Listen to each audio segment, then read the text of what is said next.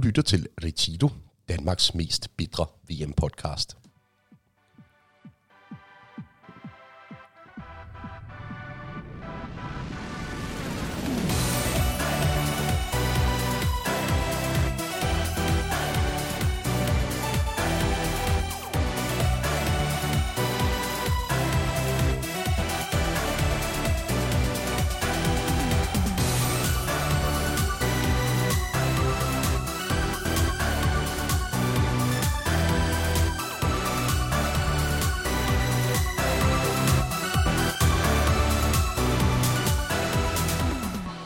God mandag morgen og velkommen til Retiro podcast.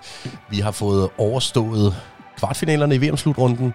Ikke helt uden overraskelser, og vi har et afrikansk hold igennem til semifinalerne. Noget imod forventning her i studiet. Marokko skal altså spille semifinale om et par dage som det første afrikanske hold i historien.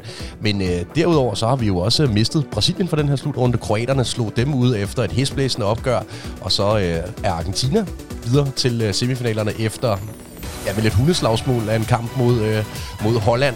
Og øh, sidst men ikke mindst, så er Frankrig altså også igen klar til semifinalerne, så måske vi endda skal forvente en reprise af finalen i 2018, hvor det altså var Frankrig og Kroatien, som mødte hinanden i det afgørende opgør. Men øh, til at tage os igennem alt den her VM-dynamik, der har jeg samlet mine øh, to faste kompetenter. Mikkel Rosenvold, godt at se dig igen. Lige måde.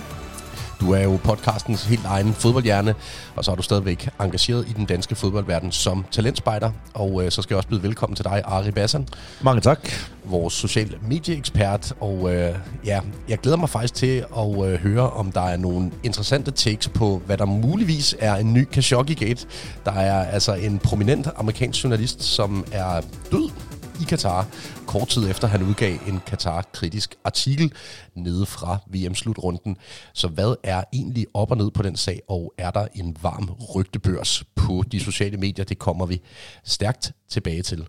Men øh, før vi når så langt, så øh, har jeg næsten lyst til at sætte et stykke musik på, som jeg ved ikke, om det er ligefrem hunder der, Mikkel, men øh, noget i retning derhen. kan du gætte på, hvor vi er på vej ind af her? Jeg har i hvert fald forstået noget Habibi. Det, er- det er altid en god start på en sang. Det, det er jo godt, hvor noget Marrakesh-musik lige ude i det her. Nej, det er lækkert, hva'? Virkelig, virkelig gode toner, ikke? Ja. Mikkel, øh, vi har fået et afrikansk hold igennem til semifinalen. der må du på bøjder stå og sige, den havde du ikke regnet med. Det havde jeg bestemt ikke. Det, øh, det er heller ikke, fordi jeg har været så vildt imponeret af det her marokkanske hold, øh, rent spillemæssigt, men, men præstationen har været der, og de, øh, de klarer sig godt, det må man sige. Jeg, jeg, jeg kan ikke lade være med at tænke, at det vækker lidt mindre om den måde, Grækenland gik igennem deres øh, EM-slutrunde sejr på, eller den måde, Island kom langt i en slutrunde på. Ikke? Altså det her med at holde nullet øh, på, på nogle defensive dyder, og så komme kom videre derfra. Ja, ja, få lavet det første mål. Øh, det, det, det er altid en god start, og, og de, de har præsteret rigtig godt, løber sindssygt hårdt for hinanden, og, og, arbejder godt som hold, så det er alt respekt til Marokko. Ja, så skal vi nok også komme med en disclaimer om, at det nok ikke er så meget Afrika over det marokkanske hold, det, der stiller til, til VM. Først og fremmest så øh, skrev jeg faktisk også i en tråd med jer involveret, det, at øh, det mindede lidt... Øh, jeg tror, der er større folkefest i Beirut, end der er i Kampala i Uganda i hvert fald. Plus, at jeg lige løb startopstillingen igennem, og nu har jeg selvfølgelig kaldt det Belgien 2, Marok- Marokkos hold, men øh, jeg kan lige løbe det hurtigt igennem. Bono, øh, forsanger for YouTube nede på kassen, han er født i Montreal. Øhm, vi har en øh, Hakimi, der er født i Madrid. Syv ud af de 11 spillere, der startede ud inde mod Portugal, de er født andre steder end øh, Casablanca, og hvor man ellers er født i, i Marokko. Så der er måske lidt øh, europæisk øh, vibes slash Canada også over den, uh, over den uh, fornemme kampagne, han, er jo har ikke, han er jo ikke helt dårlig, ham YouTube-målmanden derinde. Det er han ikke. Det er Nej, han bestemt det ser ikke. Det er han bestemt ikke. Ja, jeg, har, jeg ved ikke rigtig, om jeg er glad for det, men jeg har set, at han har sat kraftigt i forbindelse med Real Madrid nu. Det er jo, ja, ja. det er jo klassikeren, hver gang der er Præcis. en, der dukker lidt op fra det, fra de, fra det gemte til, til en VM-slutrunde, så er Real Madrid klar med en blanko check. Men øh, før vi kommer rigtigt i gang med podcasten her, så skal I jo lige testes lidt i lidt VM-historik. Og øh, jeg kunne ikke lade være med at gå ind og dykke ned i, hvilke afrikanske hold, der ellers havde gjort det godt i VM-historien. Og man kan faktisk finde tre eksempler på afrikanske hold, der er gået i kvarten Ja. inden for de sidste 30 år. Det er Ghana 2010, det er Senegal 2002, og Nigeria, det er Cameroon 94. Cameroon 90. Ja. 90, ja, ja. med Roger Miller. Men øh, jeg havde faktisk øh, de, øh, 90 og, øh, og Ghana i 10, dem, dem kunne jeg huske, men, men øh, Danmark var jo faktisk i pulje med Senegal, da Ja. de gik i kvartfinalen i 2002, Mhm. mm. hvor de så efterfølgende røg ud til Tyrkiet, der gik Ja, i semifinalen. Ja. Stod Sverige i åndelsningen. Ja, lige ikke? Ja. Ja. Jeg slog Frankrig i åbningskampen og spillede 1-1 med, med Danmark ja. I 2002, og så var det Senegal og Danmark, der gik videre efter Rommedal, slog Frankrig med en fibersprængt plade Zidane i øh, sidste kamp, øh, hvor Frankrig blev kyldet ud på røv og albuer i den turnering, og fornemt, at de er det første hold i rigtig, rigtig lang tid, som ikke går ud i gruppespillet som forsvarende mester. Som, som jeg husker det, så, så vandt Danmark faktisk den pulje, og sig ind i England, der var blevet nummer to i puljen med Ja, Sverige. Og der kan vi, kan vi spørge Øh, Thomas Sørensen, hvordan det gik. Ja, fordi øh, så vidt jeg husker, så lukkede Senegal i mål indtil sidst mod Uruguay i den sidste gruppekamp, så, Åh. de, så de fik Sverige i åndedelsfinalen. Det var Ja. meget rutineret lavet. Det må man øh, sige. Godt klaret dem. Ja. Uruguay scorede det der fantommål mod Danmark. Ja. Med, hvem var det? Ja, der jo- Dario Henrik Kopa på Rodriguez. toppen, ja, ja. det var Rodriguez eller anden. Hvad fanden hedder? Jeg kan ikke huske. Ja. Men øh, lad os øh, komme til sagerne. Som så vanligt, så stiller jeg tre harpuner til at åbne programmet op. Tre kolde fra kassen, hvor jeg kun vil høre et ja eller et nej. Der er lige pludselig snak om, at gode, gamle øh, Luka Modric, øh, ridderen af Israels plads, som jeg plejer at kalde ham, er, er, han, han, han er altså i spil til at vinde Ballon d'Or 2023, hvis Kroatien skulle gå hen og vinde den her slutrunde. Vinder han den næste år, hvis Kroatien vinder slutrunden? Lad os starte der. Ja eller nej, Mikkel? Nej, Ah, nej, det gør han ikke. Det gør han ikke. Ah. det tror jeg, Mbappé gør. Ja. Havde, havde han gjort det, hvis ikke han havde haft en Ballon d'Or øh, i trofæskabet allerede, så kunne man måske godt have overvejet den, ikke? Ja, men det begynder bare øh, efterhånden at ligge til Mbappé. Han, Ja. ja. han, han skal have den. Mest kampafgørende nok. Lige på nær øh, kampen mod, mod Frank, øh, England, undskyld. Men, øh, men jo, Modric kan måske godt smide en CL-sejr op for os, så, så kan vi godt tale lidt, men øh, ellers så ser det svært ud. I lyset af den indsats, som Frankrig leverede i går mod øh, England, og øh, den indsats, som især deres centrale midtbanespiller, Aurelien Tchouameni, han leverede, så kunne jeg godt tænke mig at spørge dig, Mikkel, er Tchouameni det største midtbanetalent på kloden lige nu? Ja, det synes jeg. Okay. Og jeg vil gerne, jeg tror, jeg siger nej. Eller er det ham på det andet hold Ja, ja, øh, fra kampen, det- Jude Bellingham? det han er jeg altså også god. Ja, Han er fandme også god. ja. Og hvis vi regner Jamal Musiala med, for eksempel, Ja, så, så begynder det at, at snærpe lidt. Men jeg, jeg synes, Tchouameni er helt outstanding. Altså, det er generelt den er lige franske centrale midtbane. ja, fantastisk mål, han sætter ind, og det er jo netop også forskellen øh, på sådan en som øh, på Henderson, øh, defensiv anker. Øh, på Englands hold, øh, Henderson er ikke i nærheden af at kunne lave sådan noget pivring, for, hvis du spørger mig. Men, øh, men Tchouameni har det hele. Han har et godt hook. Han, øh, han laver så også straffe, som er en streg, Ja, streg i regningen. Det er rigtig, Det er rigtig rigtigt, klods. det rigtigt. Rigtig klods straffespark. Øhm, og Bellingham virker også super tændt. Øh, altså, nogle af de der reaktioner, han har, når han faktisk laver et klokkeklart frispark, det er sådan noget, jeg godt kan lide at se, at han skaber sig så sindssygt, fordi må, måske virker den de næste gang, at dommeren så tænker, ah, der var måske ikke noget, men der var en, hvor han, jeg tror, han saver Rabiot eller et eller andet, og så står og skaber sig som om, at, at det er helt, helt vanvittigt, at den bliver dømt. Men øh, fed attitude og, og god spiller. Der er sådan en eller anden form for fortælling i øh, den danske mediedækning af den her slutrunde om, at Frankrig er mødt op med deres B-hold. Øh, blandt andet på den centrale midtbane, hvor det jo er Rabiot og Tchouameni, der, ja. der huserer. Jeg, jeg, jeg er simpelthen uenig i, at det er et B-hold, der stiller op på den centrale midtbane, selv med Kanté og Pogba klar for skader, så jeg er ikke sikker på, at de havde startet inden med. I- Ikke, ikke Kanté i hvert fald. Det, det er længe siden, han har været på det niveau. Ja. Pogba, øh, okay, øh, har alligevel vist noget ved de sidste par slutrunder. Ja. Øh, også noget med en Rabiot, men Rabiot synes jeg også er fremragende i øjeblikket. Så det, det er ikke, fordi man savner de to, og man savner sådan set heller ikke verdens bedste fodboldspiller. Karim Benzema. Øh, Det er også det ret vildt. op foran. Ja. Vel, han har fået klappet fire ind i Giroud. Ja. Det kan man ikke rigtig sætte en finger på. Nej, og Benzema er jo sådan set skadesfri. Det er jo det, der er det helt Ja, ja. pludselig ved det. Han træner med nede i Madrid nu. Der er ja. Ikke noget i vejen med ham mere. Øh, er der nogen af jer, der havde overvejet at flyve ham ind til semifinalen? For det kan de jo sådan set godt. Han er jo ikke ude af truppen. Overhovedet ikke. Slet ikke der. Det altså, det, er ret, det lyder ret vildt at sige, at, øh, at den, bedste, den bedste spiller på, i kloden, ja, på kloden, ikke, øh, ikke, skal, ikke skal være med. Men øh, lige nu fungerer det bare rigtig, rigtig fint med, med ham charlatanen op foran.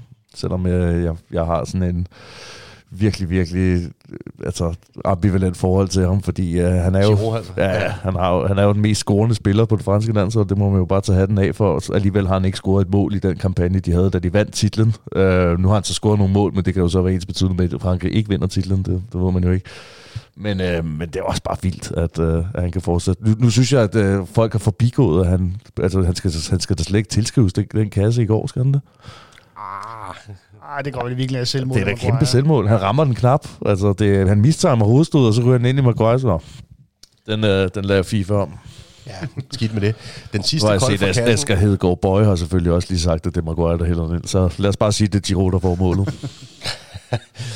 den sidste ja, kold for kassen, jeg har med, den øh, omhandler øh, det her dødsfald på, øh, på katarsk jord. Øh, Grant Wall hedder han, øh, amerikansk journalist, LBGT-forkæmper og øh, med, mere, med mere som altså øh, fik et ja, vel, et regulært ildebefindende under en kamp øh, og, og, og omkom efterfølgende.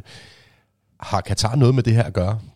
Hvad, hvad, hvad siger mavefornemmelsen her rundt om bordet, ja eller nej? Altså, fordi han har været meget, meget åbenmundet mod det her styre, ikke? Helt vildt, helt vildt. Jeg har også været aktiv i FIFA og blandt andet, og, og prøvet at gøre noget ved problemerne der, øh, og, og muligvis også været aktiv i forbindelse med de, de rensagninger, der var for en del år siden. Så der, der, der er rigtig mange, der har et horn i siden på ham, Ja. øh, og, og altså, vi taler om en mand i sin bedste alder. Ja, ja. Sund og rask. Øh, der midt under en fodboldkamp øh, Ja. ja. pludselig falder om. Altså, det 48, ikke? 48 år gammel. Den er, er den er rigtig hyggeligt. rigtig, rigtig mistænksom. Hans bror var homoseksuel. Han havde et regnbueflag på, på, på t-shirten, da han sad på stadion. Det fik han lov til, fordi han åbenbart, det ved jeg ikke, var pre- pressemand. Som menig, menig fan må man ikke gå ind øh, med, med regnbueflag. Du må selvfølgelig godt gå, gå ind med et øh, flag, der står død over jøderne på, men, øh, men det er så en helt anden sag. Øhm, jeg tror, den er lidt mere sparet. Jeg tror godt, der kan komme en Netflix-dokumentar om nogle måneder omkring det her dødsfald. Den, den er bare næsten for voldsom til, at det kan være sandt. Ikke? Altså, Ja, det, det, altså- det, det, han er for high profile, og altså, men, Ja. Øh, ja. Man ved, man ved sgu aldrig. Okay. De lige har dri- driblet lidt stryklin i hans kaffe eller et eller andet inde på stadion. Ja, jeg sad og tænkte på det der Salisbury-mor på ham her, Litvidenko, eller hvad han hed, der blev, der blev dræbt på en legeplads, hvor han, han fik bare lige en klud for munden, og så døde han 12-15 timer senere. Ikke? Ja. Øh, det samme nede i den der lufthavn, hvad var det, med nogle kinesere, Det er rigtigt, ja. øh, hvor der også lige kom, kom en, noget, der minder om klorofol, eller hvad det var. Det, det var vel... Øh, Det var nordkoreaner. Ja, Nordkoreaner, Ja, præcis. Men det var noget i Kina. Var det ikke i Taiwan? Ja, Kim, Eller- det er Kim Jong-uns øh, bror? Ja, ja, ja, hans halvbror, Ja. hans halvbror, ja, Ja. som, blev, som, blev, som blev dræbt på den fasong, hvor, hvor man på overvågningskameraerne lige kunne se en hurtig øh, hånd lige drible ind over, over ja. munden med noget, med noget stof på. Jeg ved det ikke, det, det virker rigtig, rigtig shady, så lad os se, hvad der sker. Altså, uhyggeligt. Det er, det er nemlig uhyggeligt, øh, og lad os, lad os håbe på en eller anden måde, at det trods alt var et naturligt dødsfald. Det, Ja, lad os håbe, at hans hjerte bare gav op. ja, det vil da trods alt være det, det, det mindst grimme af, af de to under her. Lad os kigge lidt på, hvad der har været, Øh, om ikke ugens historie, så i hvert fald weekendens historie i VM-slutrunden hen over de her øh, kvartfinaler. Jeg ved ikke, om du vil lægge ud, Mikkel? Jo, det vil jeg gerne. Det er egentlig lige så meget et emne til, til diskussion. Øh, det, det er jo som regel sådan, øh, at, at, finaledommeren øh, skal findes blandt kvartfinaledommerne. Øh, derfor bliver det altid holdt meget øje med, hvem der bliver sat på det. Det var Michael Oliver, der havde Brasilien-Kroatien. Øh, Matteo Lahos, forhåndsfavoritten til at få finalen, som havde øh, Holland-Argentina. Fra Condotello fra Argentina, der fik øh, Marokko-Portugal, og så Wilson Sampaio, der havde England-Frankrig. Øh, de to forhåndsfavoritter havde været øh, helt klart Matteo Lahos fra Spanien, som vi kender rigtig godt. Mm. Øh, havde noget blandet kamp mod Holland og Argentina, pri- primært i forhold til sin kampledelse. Ja, altså det, det er jo meget påfaldende, at begge hold siger, at han er pivringen. Så, så må der være noget om det. Jamen, det er nemlig det. Og, Ja, og, også normalt bare, er der jo et hold, som holder kæft angående dommeren, fordi man godt ved, okay, så er man blevet... Og også, det, det, der var en sekvens, jeg tror, det var, det, det, var i forlængelsen, hvor han simpelthen må gå sådan og fløjt, fløjt, fløjt, fløjt, fløjt hele tiden, og fuldstændig ved at tabe kampen. Ja. Det, det, var ikke noget særlig godt look for ham. Øh, Wilson Sampaio var heller ikke alt for heldig i, øh, i England. Frankrig i går skulle have var ind over, det ved vi, det er noget, der tæller ned af. Ja. Så, så, så hvor er vi henne? Michael Oliver, øh, nu er England er et godt røget. bud, ja. Det, er, det er simpelthen vanvittigt. Du har, du har samme historie, som jeg har. Nå. Øh, fordi jeg, jeg havde en lidt anden vinkel med, at, øh, med Peppes øh, efter, øh, interview efter kampen mod Marokko, som sagde, vi havde tabt kampen på forhånd. Det var en argentinsk dommer. Altså, der var ikke noget at gøre. Han har allerede besluttet sig for, at det var Marokko, der skulle gå videre. Både på grund af den her Ronaldo-Messi-rivalisering, men også fordi Marokko helt objektivt set er en bedre, bedre finalmodstander i, i øh, øh, over, for, over for Argentina, hvis de, kom, hvis de nu slår Kroatien. Så altså, der er jo også den her med Emi Martinez, Emiliano Martinez, som er ude at straf, øh, som er ude at altså, tilsvine øh, Lahos efter kampen, selvom han vinder. Altså normalt så burde man være for god til det, men det siger jo lidt om den her altså, kamp, som han efterlod. Øhm, så jeg, altså, jeg synes at det, det, er, det er en meget god, meget god diskussion at have, fordi altså, kvartfinaldommerne burde vel ikke være repræsenteret af nogle af dem, som er i kvartfinalen. Nej, det, det, det kan man godt diskutere. Altså, jeg ved godt, det der være de går sådan lidt dommere, Jens ikke? Undmark i den, ikke? At en, at en dommer ikke må have været født i 80 km radius for det hold, han nu skal, skal dømme, eller hvad det er.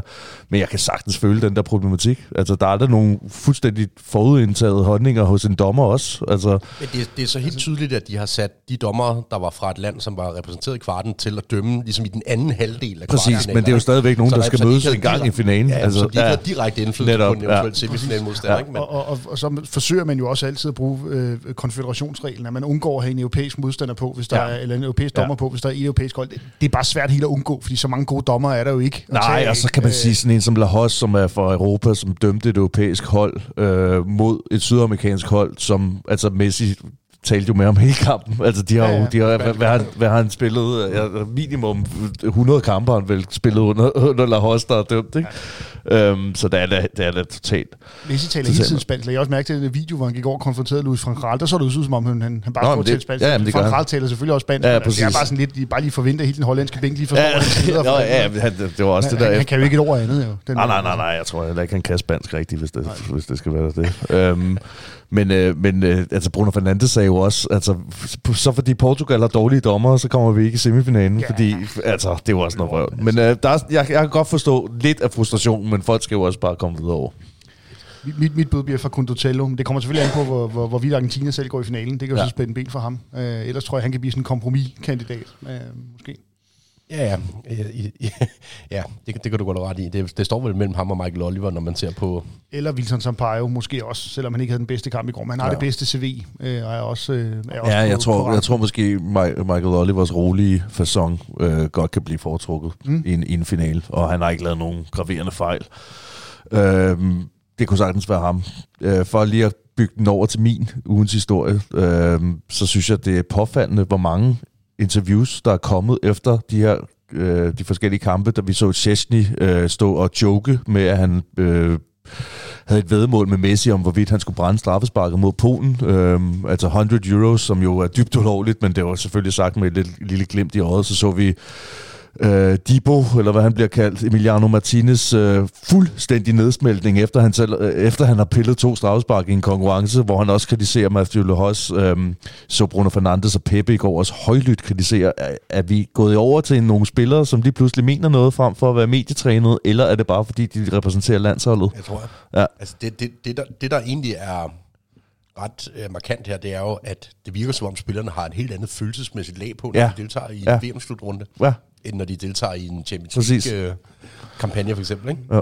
Altså, det, det er jo, vi taler om fuld nedsmeltning. Det er Fuldstændig. Jo, det er jo noget, der som udgangspunkt i en, i en klubskæring havde givet en 6-7 spildags karantæne. Ja, ja. Stå og sige, at dommeren har købt og betalt. Ja, ja. Altså, Det er rigtigt. Ja, ja. det, det kan Kenny Emil Petersen tale lidt om herhjemme i hvert fald. Så fik han ikke 4-5 spildage på et eller andet, han på, gang. på Ja.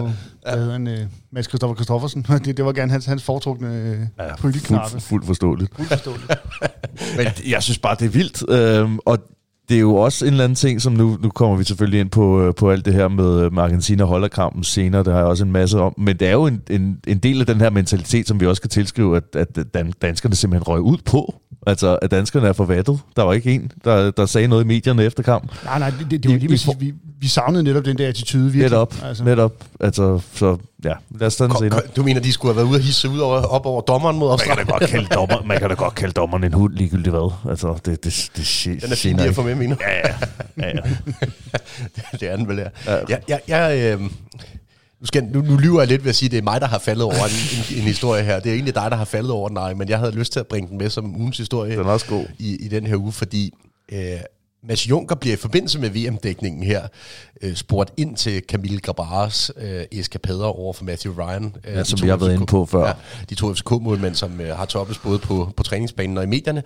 Øh, og der, der bruger Mads Juncker øh, vendingen, øh, at Grabara har udvist ukollegial adfærd ikke? Øh, over, flere omgange. Og der er det så spørgsmålet, om vi er ude i, at det nærmest er Rudi Frederiksen, der er blevet ringet op til at forholde sig til sikker sex. Øh, Han er sagt, eller sikker chat. Si- sikker chat, ja. sikker sex bliver det ja. så efterfølgende. øh, men, øh, fordi Mads Juncker øh, er vel trods alt stadigvæk kendt for at have listet et S ud af ærmet i forbindelse med en FC Nordsjælland I bogstaveligste forstand, Ja. ja. Snød nogen, øh, nogen, nogen, der var lidt yngre end ham, og tog deres månedsløn. Øh, kaptajn, Poker, ja. i poker. Kaptajn i klubben, vil jeg mærke.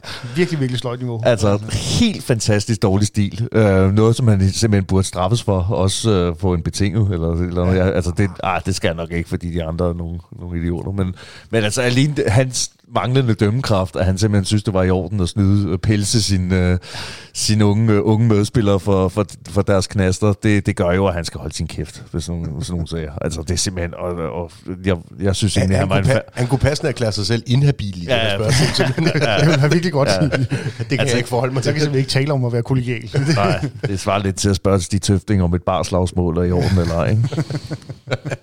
Ja, det var nok et bedre eksempel end det er. Frederiksen. Ja, ja det, han har da i hvert fald lidt felterfaring for det. Ja. Lad os sige det på den måde. Ari, øh, skal vi kigge lidt på, hvad der er sket på de sociale medier? Det, sy- det synes jeg.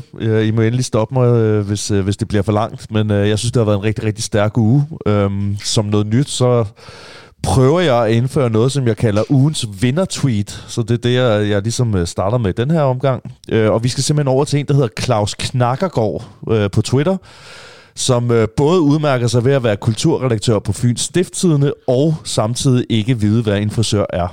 Øh, han er i kølvandet på Argentina-Holland-kampen gået fuldstændig ban- altså Brundus, var jeg ved at sige. Han har slæger simpelthen mod FIFAs uendelige fair play og respektkampagner, øh, fordi han mener, det er dobbeltmoral, og nu så til selve wi- vindertweetet. Jeg forsøger at lære mine unger, at de startede, at de startede af en rigtig nederen undskyldning. Også i en VM-kvart. Jeg så ikke kampen, men konstaterer bare, at fodboldknægte hele verden så deres helte være verdens dårligste tabere.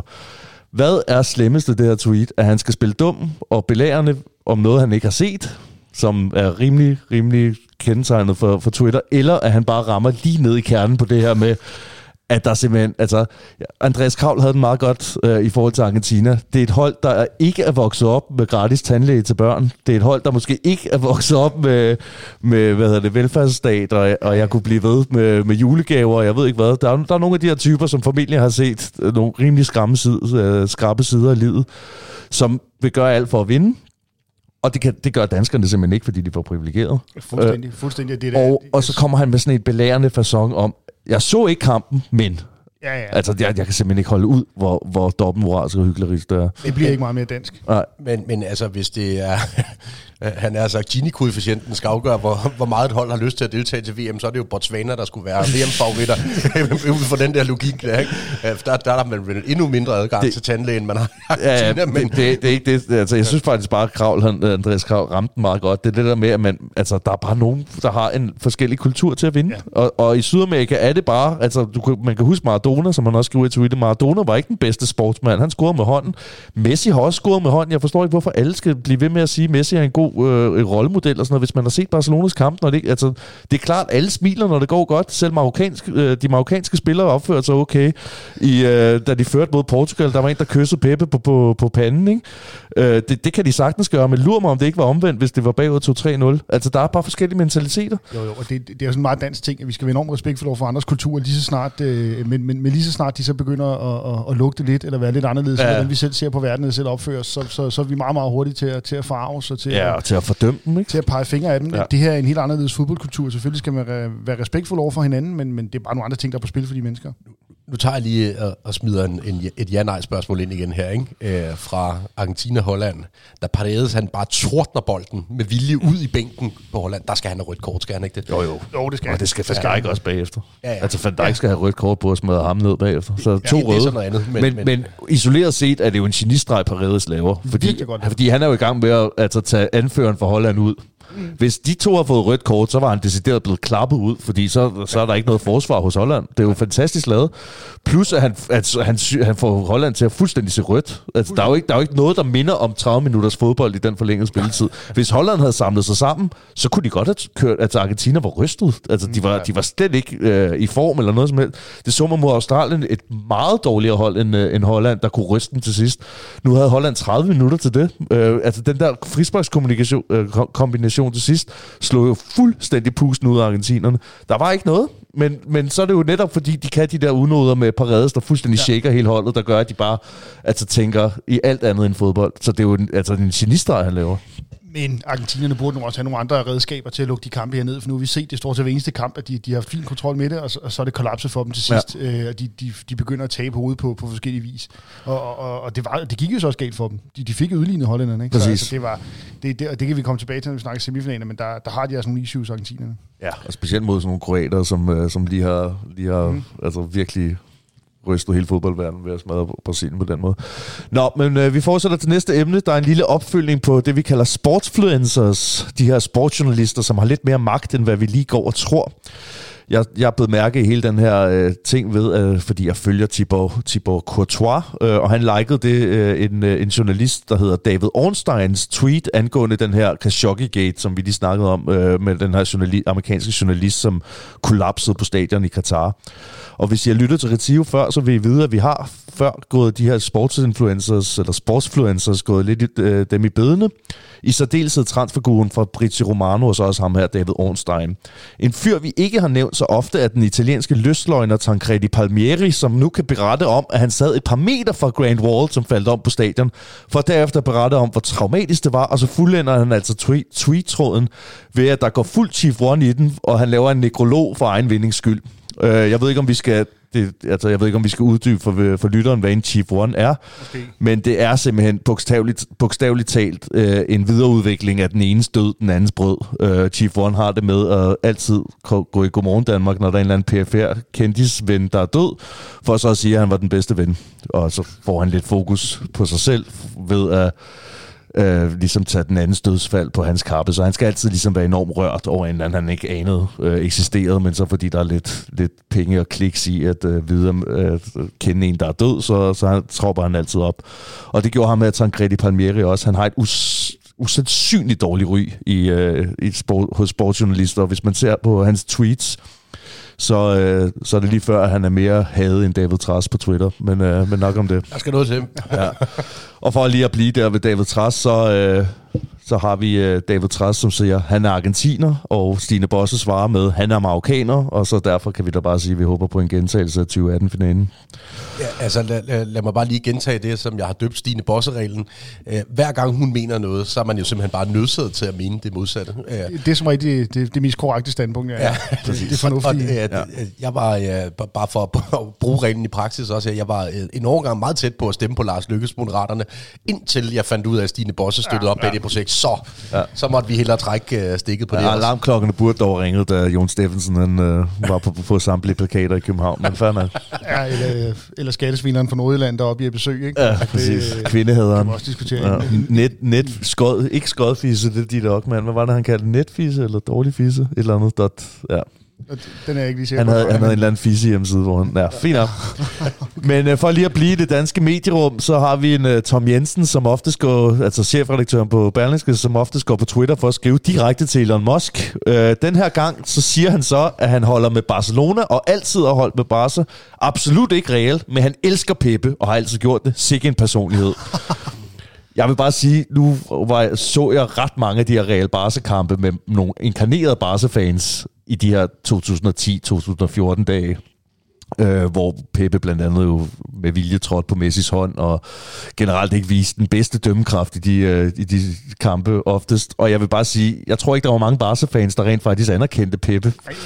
Det er simpelthen noget vrøvl. Det er simpelthen noget vrøvl. Og han har aldrig nogensinde kunne anerkende. Han har aldrig anerkendt Pepe. Han har måske heller aldrig holdt med Barca, han ved ikke, hvem Real Madrid er. Sådan. Ja. Altså det eneste, jeg vil sige til det der, det er jo, at Tom Jensen får efterhånden Peter Kær til at ligne en Iron Man ud. Men det er sådan noget helt andet. Det ser godt nok skidt ud efterhånden. ja, det kan, det kan være, der kommer en uh, dokumentar uh, i lignende, lignende stil som Jan Lindeberg fra Pyrus um, om noget Minnesota-kur, men det kan vi jo vente på. Øhm, Real Madrids Twitter-kanal, som oftest udmærker sig ved at sende tonedøve tweets afsted efter nederlag og vise skadefremkaldende træningsvideoer, har nu lagt video op af en kamp, hvor de vandt mod Malmø med 8-0. Malmø svarede på det her tweet og skrev, tak for tagget, hvordan går det med Super League? Det er da meget sjovt. Ja, ja. ja okay. Jeg vil så sige, det, jeg kan lige tilføje, at øh, jeg fik faktisk tilsendt et tip fra en, øh, en lytter, øh, om at Real Madrid skrev, øh, ready for the semifinals, og så har de et billede af Luka Modric, Aurelien Chouamini og øh, Falang Mandi, så de havde lige fået fucket oh. med, med, de havde med fra, fra det franske hold. Den det er bedre end at, end at køre en eller anden varan, og ja. ja det er meget godt. Ja. Ja, det sker jo nogle gange. Ja. Det, det, var, det var sådan en, de havde i, i templates fra, fra maj måned. Ikke? Ja. ja. Og så en sidste observation fra dansk Twitter, som jeg faktisk synes var lidt underholdende, fordi det handler om Benjamin Leander. Der kom lige et lille opstød, det må jeg undskylde. Øh, Gonzalo Ramos, som jo bekendt lavede de her tre kasser i sin VM-startdebut mod Schweiz. Det ene mål var flottere end det andet. Han, øh, han spiller jo øh, for Benfica, og i den henseende var der en masse FC Midtjylland-fans, som valgte at stikke lidt til Benjamin Lander, fordi han engang udtalte, at ham her Ramos og Benfica ikke har noget nævneværdigt niveau. Det var den der gang, hvor øh, Midtjylland blev henrettet over to kampe mod Benfica, hvor han lige skulle spille dum og sige, ah, du skal vi heller ikke gøre Benfica bedre, end de er. Øh, siden den Midtjylland-kamp er de vel en af de klubber i Europa, der har tabt færre kampe, samtidig med, at de også lige slog Barcelona ud af et gruppespil sidste år. Lad os, bare, lad os bare være søde ved Benfica og sige, at de har et, de har et okay højt niveau. Det må man sige. Så var der Hakimi lavet en pingvin, pingvin, pingvinjubel i, øh, i respekt for Sergio Ramos det, som jeg uden at tøve vil kalde verdens bedste højre bak. Han fejrer nemlig sin Panenka mod Spanien med en hyldest til deres tidligere held, til hans tidligere held Sergio Ramos, som blev udladt af Luis Enrique i VM-truppen for Spanien. Og nu har øh, Hakimi netop tweetet, at han glæder sig til at se sin, øh, sin gode ven, Kylian Mbappé, i semifinalen. See you soon, my friend. Øhm, det bliver en, noget af et matchup, de to. Ja formentlig nogle af de to øh, stærkeste kort på, på hver deres position. Og Hakimi har jo været en decideret fornøjelse i den her turnering. Men er han ikke skadet, Hakimi? Det... Han er pillet ud. Ja, må ikke han spiller om, øh, om hans livs afhang. Jeg tror, der skal rigtig meget til, at han sidder over. Men, det ja, tror jeg også. Øh, så de sidste, sidste sjove VM-reaktioner, det de sociale medier øh, kogte virkelig over, øh, særligt i Maghreb-regionen. Øh, der var både øh, uh, Sofiane øh, Bufal, som dansede med sin mor på banen. Der var YouTubes forsanger, som vi har nævnt. Han spillede bold med sin søn. Men, uh, men højdepunktet var nok det klip, som vi også har nævnt, med den marokkanske spiller, som, uh, som kyssede Peppe, da han uh, brændte en gigachance i overtiden. Så gik Mbappé viralt ved at gå i fuld jubel på grund af Harry Kanes brændte straffe. Det skal I virkelig se. Og Messis interview efter kampen fik også rigtig meget opmærksomhed, da han givetvis kaldte Wout Weghorst for et fjols, eller Bozo, eller Bobo, eller hvad han kaldte ham. Hvem vil vinde den tvekamp, tror jeg? Uh, Vikhorst og Messi? Ah, det vil Vikhorst. Ja, det tror jeg nok også. Det... Kæft, det er bedst, hva'? Messi er næsten mere den argentinske type, der lige giver en losing, og så løber, ikke? Ja, og så henter, og så henter fire hertebrede folk ja, ja. bagefter. Ja. ja den, den såkaldte David Navarro-type, hvis I Ja, ja præcis. Ja. meget, meget, meget fint slagsmålsvideo mellem ja. Inter og Valencia der. Eller ja. det, var. det var det, ja. ja. Ja, nok om det. Uh, skal vi komme til, til gossip, Marie? Det synes jeg jeg, jeg kan ikke lade være med at samle bolden op på, øh, på det her dødsfald, der skete på tribunen i øh, Katar. Øh, Grant Wall er jo øh, ja, en kendt amerikansk journalist, øh, har været meget åbenmundet i sin kritik af styret i Katar, øh, og havde i øvrigt, ja, vi taler vel under en håndfuld timer inden kampen her, øh, udgivet sin seneste artikel med meget kras kritik af, af, hvad der er foregået i Katar i forbindelse med den her slutrunde skal vi, skal vi prøve at tage den fra top af? Hvem er han, og er det overhovedet realistisk, at Katar har en horn i siden på ham her, Mikkel? Ja, det, det tror jeg ikke, der er nogen tvivl om, øh, at de har. Det har han jo haft generelt i FIFA meget, meget både af, af, af Katar presset for, at han skulle være sådan en form for persona non grata i FIFA-kreds. Han prøvede jo sådan lidt udefra at stille op som FIFA-præsident tilbage i 2011, øh, uden held selvfølgelig. Det var også en form for, form for mediestånd, eller i hvert fald som en eller anden protestkandidat mod, øh, øh mod, mod alle korruption, der var på sit højdepunkt dengang. Så så han har været et rigtig, rigtig stort navn i amerikansk presse om, om, omkring fodbold, men også internationalt i hele kritikken af FIFA og, og har formentlig også øh, spillet en rolle i de amerikanske myndigheds efterforskning af FIFA, øh, som man jo også kan høre mere om, for eksempel i, i, i Blodbold-podcasten, som vi godt kan anbefale lidt her. Øh, så på den måde har han jo været en, en, en meget, meget stor kritiker af FIFA, og, og, og, og, og jo især hele, hele Katar-misæren og hele, øh, hele udvalgelsen af Katar. På den måde er der ikke noget at sige til, eller hvad skal man sige, der er ikke noget underligt i, at, at, at, at Katar har haft en horn i siden på ham. Der kan være lidt med timingen, altså hvad, hvad er det, de skulle have ud af, at, at, at han skulle dø nu, nødvendigvis. Og det, det virker meget, meget voldsomt. Øh, så, så altså... Øh, jeg er selv i tvivl om, men, om men er det også bare et helt vildt sammentræf, at han, ja. han dør, når han er til den slutrunde. Han har Han har kritiseret i 12 år. videt sit liv til, Ja. til, at, mod, til at kæmpe imod. Ikke? Ja, hans bror er homoseksuel, som vi nævnte. Han har netop en, en stærk, øh, hvad kan man sige, affiliation med at skulle mene noget omkring alt det her LGBT-spørgsmål og sådan noget. Og han har jo en stærk øh, sag i forhold til det. Ikke fordi man skal have en bror, der er homoseksuel, for, for at sige noget om, de, der, om LGBT-rettigheder overhovedet. Øhm, men mere, at, at der var ligesom en, en klar connection der. Øhm, jeg, jeg synes simpelthen også, den er, den er nærmest for James Bond-filmagtig, at han får det her ildbefindende på stadion. Det, er- men det er igen, altså hvad der, altså, hvad der er mest tydeligt, øh, kan jo godt, kan jo godt nogle gange være, være ja. svaret, ikke? Det behøver ikke at være så, så kompliceret, så altså, alt, alt taler jo for, at der er sket noget virkelig, virkelig suspekt. Ja, det, det er sgu også det, min mavefornemmelse siger mig her. Vi, vi hørte jo dagene op til, at han, han havde klaget over, at han havde haft stresslignende symptomer og havde været syg, og havde også været, været, været, været forbi et sygehus øh, dernede. Ja, som så der så bare hans bror, som siger, at han er sund og rask. Ja. ja. Så altså, har han skulle sige det der, har han, har han fået en pistol for panden og har ligesom bygget op til sin egen nekrolog i to uger. Det kan, ja, man skal ikke udelukke det, altså. Nu, Nej, nej. Det, der, det, der går lidt Mozart i den, ikke? Prøv at høre, ven. Nu, nu, nu starter du lige to uger, hvor du, øh, hvor du indikerer, at du har lidt hjerteproblemer. og så skal vi nok finde en god løsning på det. Så tager vi den til kvarten der, Ja, ja, efter ja, USA råd. står der med et billede af hans kone, ikke? og så siger, hvis du vil se en, eller et eller andet. Datteren, eller hvad fanden der er. Ja, jeg ved det ikke. Det virker bare enormt suspekt. Det virker helt vanvittigt. Så Det gør det, ja. Lad os tale lidt fodbold, i stedet for det, der foregår uden for kridtstregerne i Katar, for det, det bliver man sjældent særlig opløftet af at tale om. Øh, der har været en masse debat af øh, det, der skete fredag aften. Øh, vi havde to meget, meget, meget tætte kvartfinaleopgør med sydamerikansk deltagelse, som begge endte i straffesparkskonkurrencer. Brasilien øh, mod Kroatien, og så også Argentina mod Holland. Og der var øh, efterfølgende ligesom en tematik, som overskyggede alle andre, nemlig den af Messi, som bannerfører, kaptajn, øh, herfører for det argentinske hold, valgte at sparke først for argentinerne, mens Neymar, hvad vi ved, stod til at sparke efter Brasilien allerede havde tabt straffesparkskonkurrencen som Ja, ja, femmer på listen. Ikke? såkaldt afgørende. Øh, Cristiano sparkede i en CL-final, hvor han tager trøjen af. Ikke? Jo. Og, og hvad, altså, Neymar har fået noget, lad os kalde det indirekte kritik af, at han ikke tog ansvaret og sparkede først, men lod Rodrigo gøre det, som så brænder for Brasilien. Det er jo vigtigt at komme godt i gang i en, mm. i en straffespark. Altså, jeg synes Hvad jo- siger I til det? Altså, er det, er det rimeligt at kritisere ham for det her? Fuldstændig. Jeg synes ikke, det er rimeligt at kritisere Neymar. Øh, Jeg synes, det er rimeligt at kritisere træneren. Øh, Chiche har, har været ude at sige, at alle straffespark er lige vigtige, og han kan ikke se koblingen. Altså det, der er problemet, det er jo, at når man sætter sådan en pur ung, nu ved jeg godt, Rodrigo lavede nogle vigtige kasser for Real mod City blandt andet, øh, og, og har lidt rutine, men han er stadigvæk et, et meget uprøvet navn. Neymar er næsten 30, måske er han allerede 30. Øhm, er deres hele hold. Øhm, Messi, da han går op og scorer til, til det, første mål, det første mål, han indgyder bare ro på hele, hele truppen, øh, og, og, og viser ligesom et godt eksempel. Hvis Neymar havde gjort det samme, så må der måske have sket noget anderledes. Det er svært at spekulere i, øh, fordi det er, altså jeg tager det sådan lidt groft at sige, Messi han, han gør det for holdet, og Neymar gik efter hederen.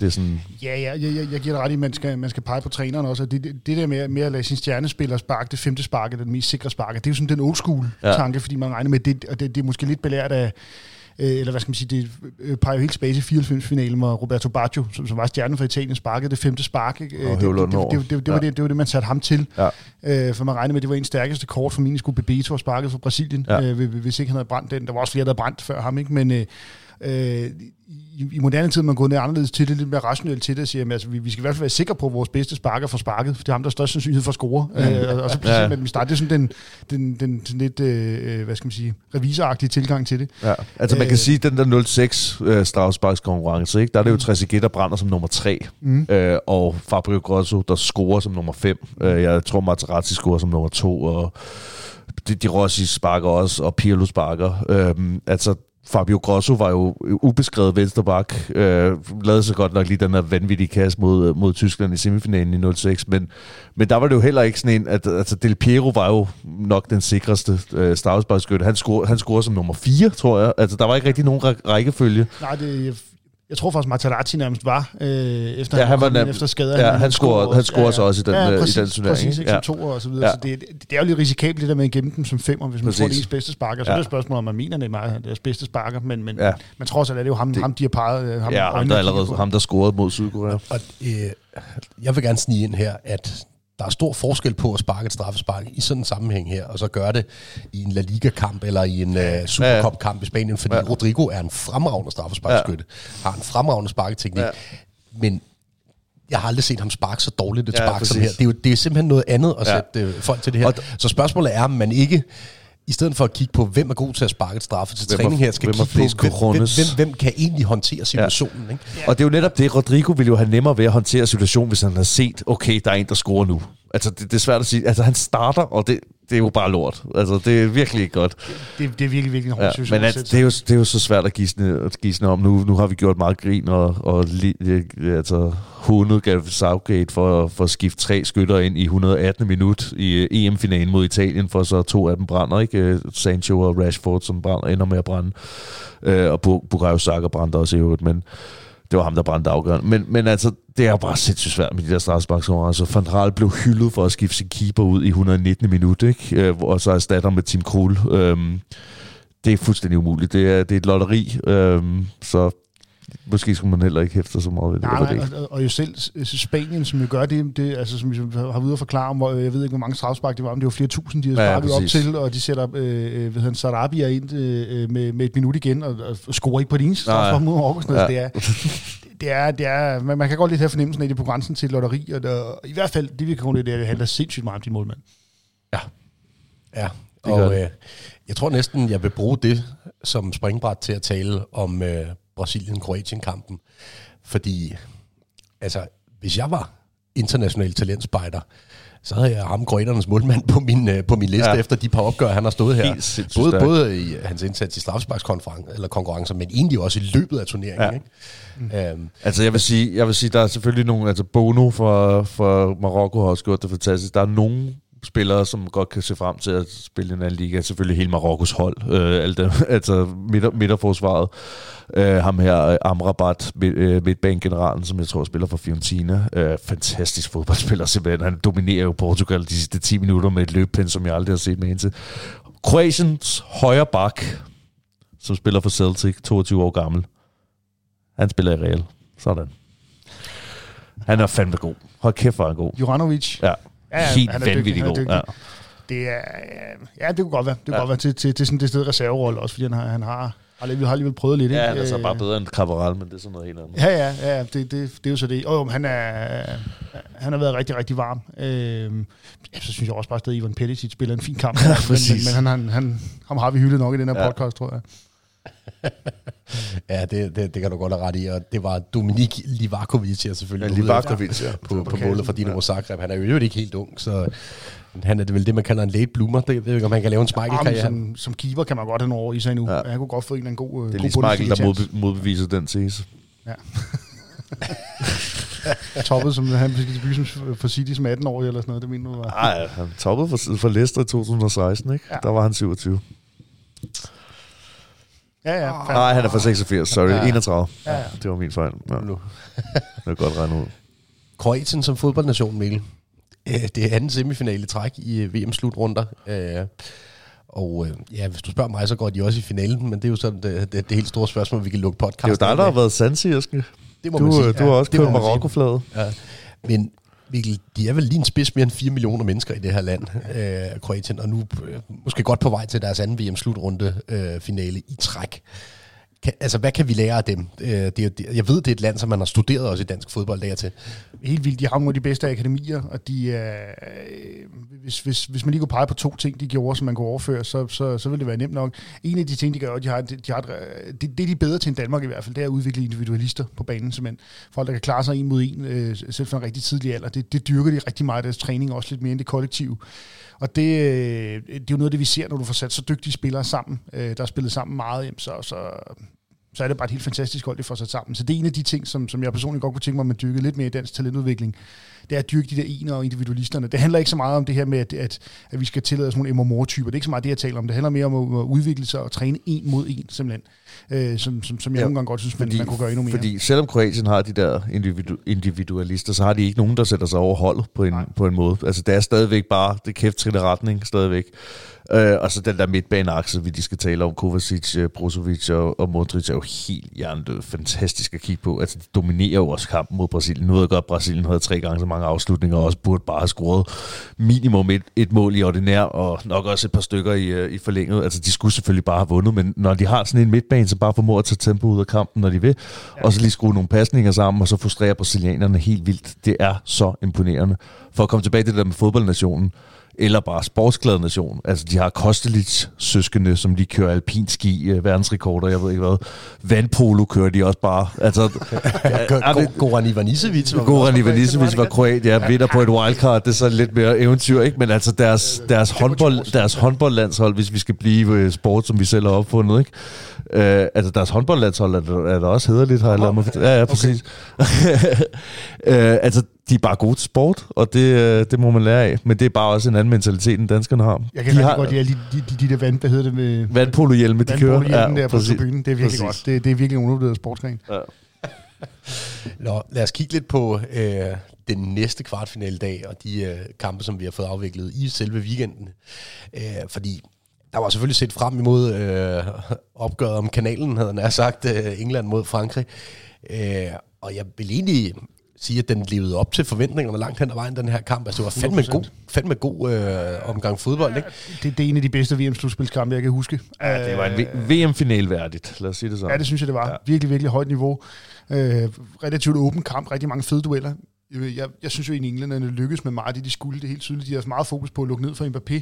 Og det er kun relativt få situationer, hvor han får udfordret, hvor, hvor Carl Walker bliver fanget højt op i banen. Han bliver kun tørret én gang. Ja, ja kun det sted tørret én gang. Ja. Så er der et par situationer, hvor man bliver fanget lidt frem i et angreb. Ja, men der er Henderson, og hvor Henderson er der, ikke? Præcis, præcis. Ja, så imponerende. Det var de ekstremt fokuseret ja. på, men, men, men Brasilien havde så bare kvaliteten. Øh, eller stod, hvor Frankrig havde, ja. havde, så selvfølgelig bare kvaliteten i, i, i et par situationer.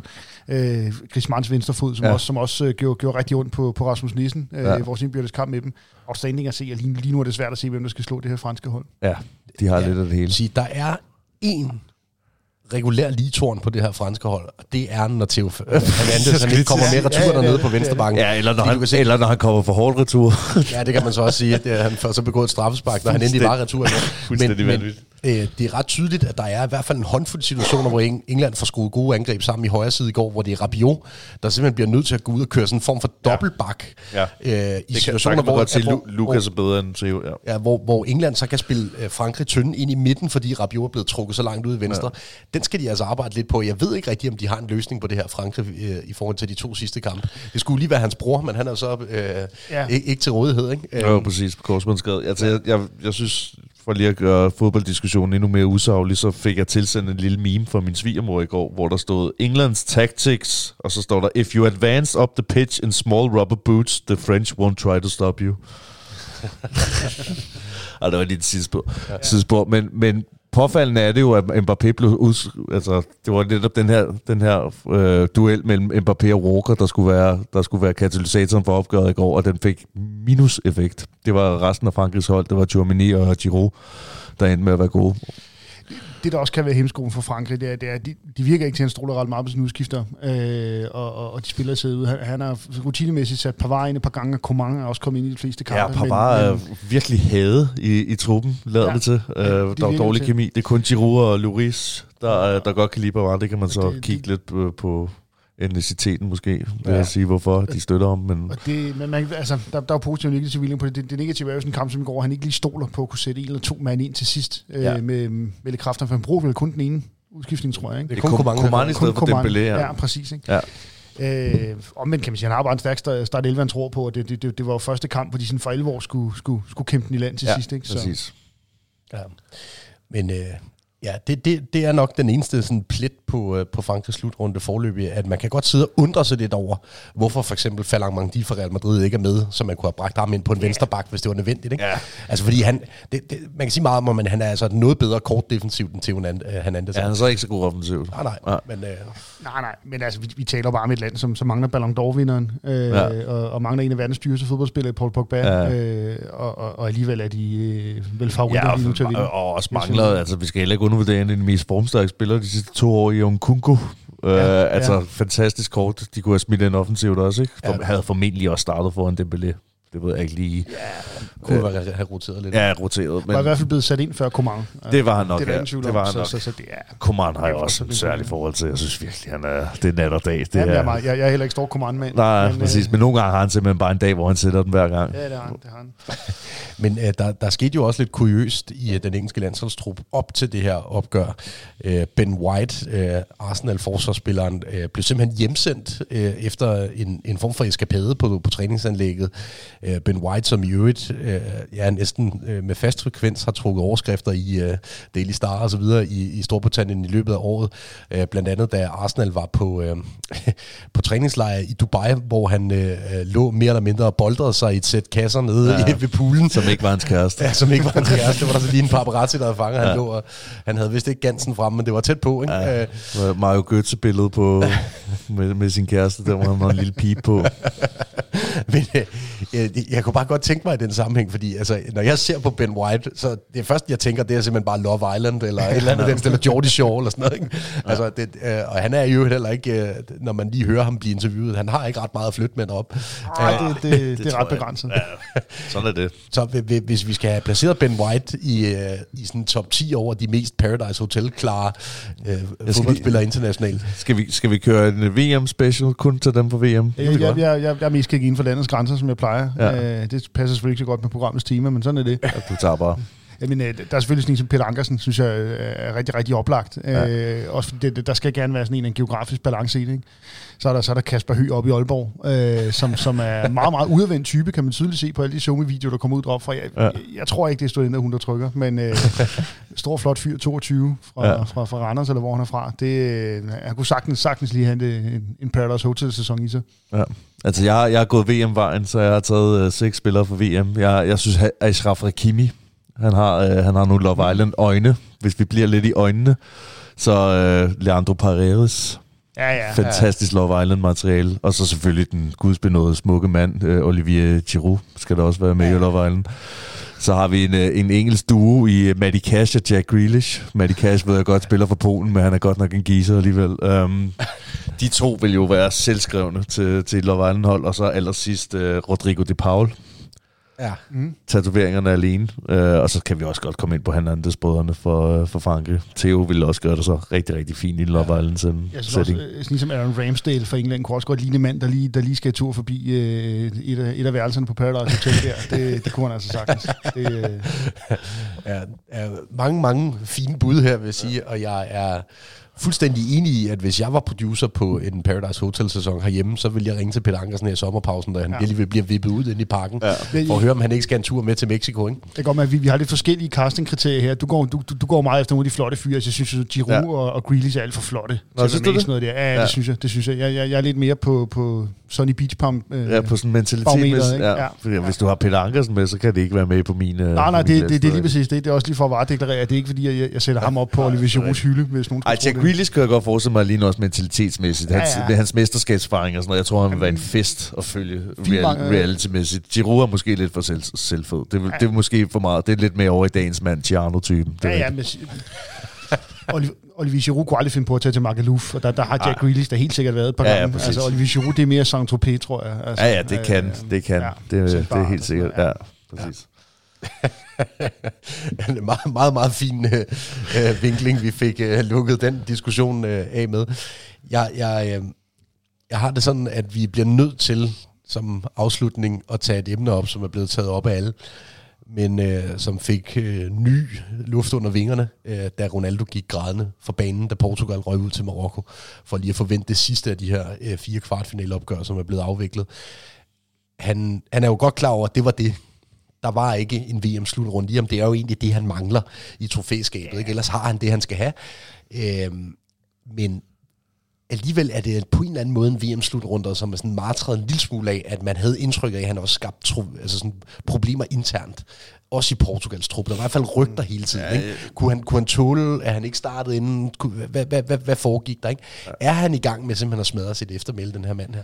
Nej, det, det synes jeg ikke. Det er selvfølgelig lidt, øh, lidt krusninger her til sidst. Øh, det, det, det, det er der mange store spillere, der har haft. Jeg, jeg synes ikke, det ødelægger hans eftermæle. Det, det er lidt ærgerligt, at, han skal, at det skal blive det her med, skal han sættes på bænken, skal han ikke sættes på bænken. Det, det har været lidt bedre med sådan lidt, lidt mere clean cut.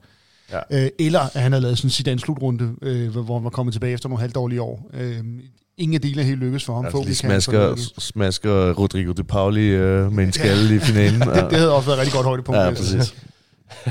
han må, altså, han må til Saudi. Ja, det, det ved jeg faktisk ikke, om han gør. Øh, jeg, jeg har det sådan lidt, jeg synes ikke, heller ikke, hans eftermæl er, er plettet som sådan. Øh, jeg synes, det eneste, der mangler lidt, det er bare hans selv, selvindsigt. Hvis han, hvis han havde taget lederbrillerne på, og så sagt, fair nok, jeg starter ude og kommer ind med en halv time igen, øh, både mod... Øh, Uh, mod Schweiz og mod, øh, mod Marokko, øh, så, havde, så havde jeg godt kunne gøre den forskel, øh, hvis han havde haft lidt Zlatan-briller på, som øh, godt, er, godt er, er helt med på, at han ikke skal starte ind hver gang for Milan, men når han kommer ind, så er det bare med en helt anden fysik og en helt anden mentalitet, og står og råber, folk, øh, altså, råber hvor folk skal stille sig og giver med gode fifs. Øh, sådan en type er han ikke, og det er det, der kan irritere mig lidt, at årene ikke er fuldt med ham øh, rent visdomsmæssigt. Han er stadigvæk bare en 25-årig knægt oven, oven i hovedet. Fordi de gjorde jo i EM-finalen, men der, der var det jo også, hvad skal Der var han netop skadet, så, ja, han havde, altså, så der havde han ligesom en legitim måde at, at, at, at skulle gebære sig på. Altså han kunne simpelthen ikke gøre mere. Han prøvede jo, øh, efter Dimitri Payet, han slagtede ham og gav ham en knæskade, så prøvede han jo i 5-6 minutter at spille, og han blev overdynget af de her mølle, og altså han virkelig forsøgte, at, altså dem som, øh, som ifølge Mathias Pogba var, Paul Pogba var skyldig, at de der mølle kom, ikke? på grund af heksedoktoren. Øh, nej, altså, der prøvede han jo at, at, at vise sig på en, anden, på en anden måde, men fordi han var skadet, og nu er han jo fedt for fight, ja. som bare ikke er det samme mere. Øh, jeg, jeg har taget en statistik med, som hedder, at i alle otte af sine knockout stage appearances, altså alle otte 8. kvartfinaler, yada yada, i VM-sammenhæng, så har han altså gået, han har taget 27 skud på mål og scoret 0. Altså han har aldrig ja. scoret i en, en uh, betydningsfuld VM-kamp, vil jeg gerne sige. Han har scoret i gruppespillet en masse gange mod Nordkorea, og hvad jeg kunne blive ved. Um, det er ikke så meget, fordi han har, været, han har også været med til VM, når han har været evig god. Uh, det er han bare ikke mere, og det, var, det er mest bare den der selvindsigt, jeg kunne tænke mig, fordi det er fair nok, at, uh, at han ikke spiller hver gang. Det, det skal han også bare affinde sig med. Ja, det skal han ganske enkelt. Vi uh, lakker mod enden af udsendelsen her, og uh, det betyder jo, at vi skal have kigget på to ting. Vi skal have kigget på det resterende øh, kampprogram i VM, og have kåret en, en sandsynlig vinder. Og så skal vi have kigget på ugens VM-rangliste. Men Mikkel, lad os starte med øh, den sandsynlige vinder. Hvordan kommer semifinal og finale til at udspille sig? Jeg tror, Frankrig og Argentina vinder hver dag semifinal, og så vinder Frankrig finalen. Harry? Det tror jeg også. Men øh, ja, lad, mig sige, lad mig sige Argentina. Undskyld. Det var dem, jeg holdt fast ved første gang, mm. før jeg begyndte at blive Brasser-fan. Øh, så lad mig sige, Argentina vinder i en finale mod Frankrig. Jeg er helt stensikker på, at Kroatien går videre mod Argentina. Øh, men spørgsmålet er jo simpelthen, om jeg skal blive ved med at holde fast i mine venner nede fra Maghreb øh, og sige Marokko i finalen. Og jeg er lidt fristet, når nu I andre er så stensikre på Frankrig. Synes jeg, du skal sige det. Ja. Så vi får Kroatien Marokko i en, i en VM-final. Ja, det er godt nok sløjt. Så skal vi installere nogle Marokko-puder på, på hele kontoret, hvis de vinder. Det vil jeg godt garantere. ja, så, er så skulle vi ved at trække i mig igen. Men apropos Marokko, øh, jeg synes næsten, vi skal lade, være dem, øh, lade dem være ugens øh, udgangspunkt for, for ranglisten, fordi det er det første afrikanske VM-semifinale øh, deltagerhold i historien. Af, Afrika og Afrika. Ja, ja, det kan man så diskutere. Ikke? Ja. Men det, det er vel det, kontinentet øh, hedder, trods alt, når det kommer ja. til stykket. Og Øh, Første ja. fransktalende araber, som er i finalen. Det kan man også sige. Begynder de Vi fortsætter, sorry. ja, vi er til Tel Aviv News, vi er kommet ind i her. Øh, men jeg synes ligesom, vi skal have listet op fra kontinentet Afrika. Hvem er sådan de, lad os sige, de tre største spillere i historien, også i en VM-skæring, som er kommet fra det kontinent?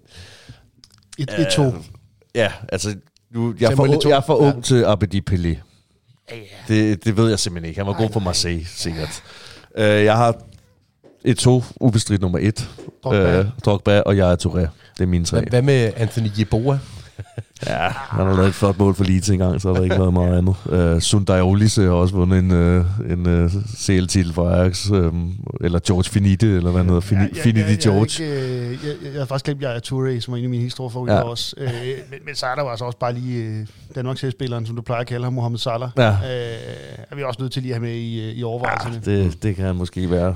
På Ja, Ja, ja. Altså, jeg, jeg er Touré, nu, har, du- nu siger du VM-skæring, men alene Ja, hans behøver ikke være en 13-14-sæson, hvor han ender med at overhale ja. Liverpool, øh, da Gerrard sk- skvatter. Jeg, jeg tror, han er oppe at lave 19-20 kasser og 13-14 assist, eller et eller andet vanvittigt, øh, for, for City som central midt. Så selvfølgelig skal han være med, og Drogba alene i sin funktion af big game players og big dick players, hvis vi også kan fortsætte i den.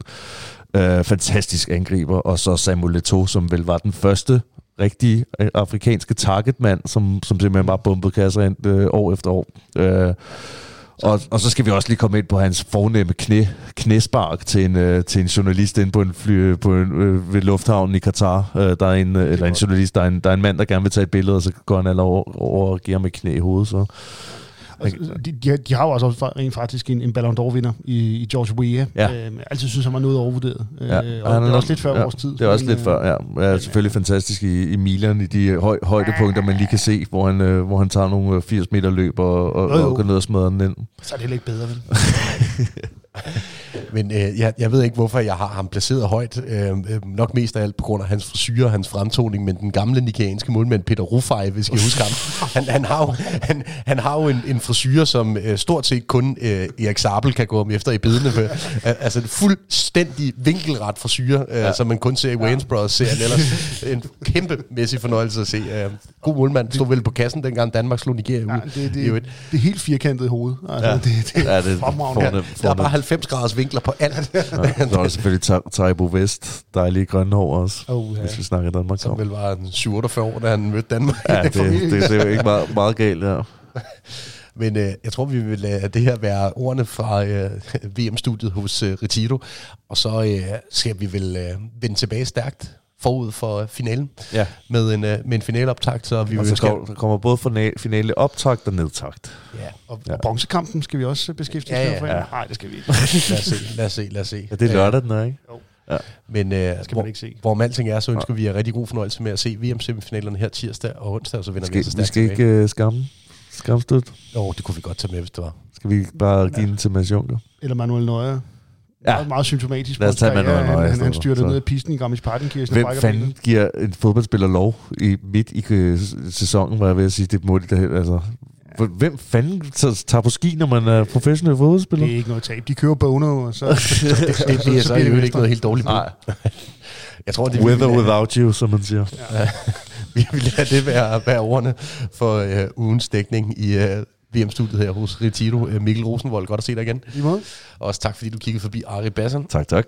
Jeg hedder Andreas Steno, og du har lyttet til Retiro VM-podcast. Tak, fordi du lyttede med.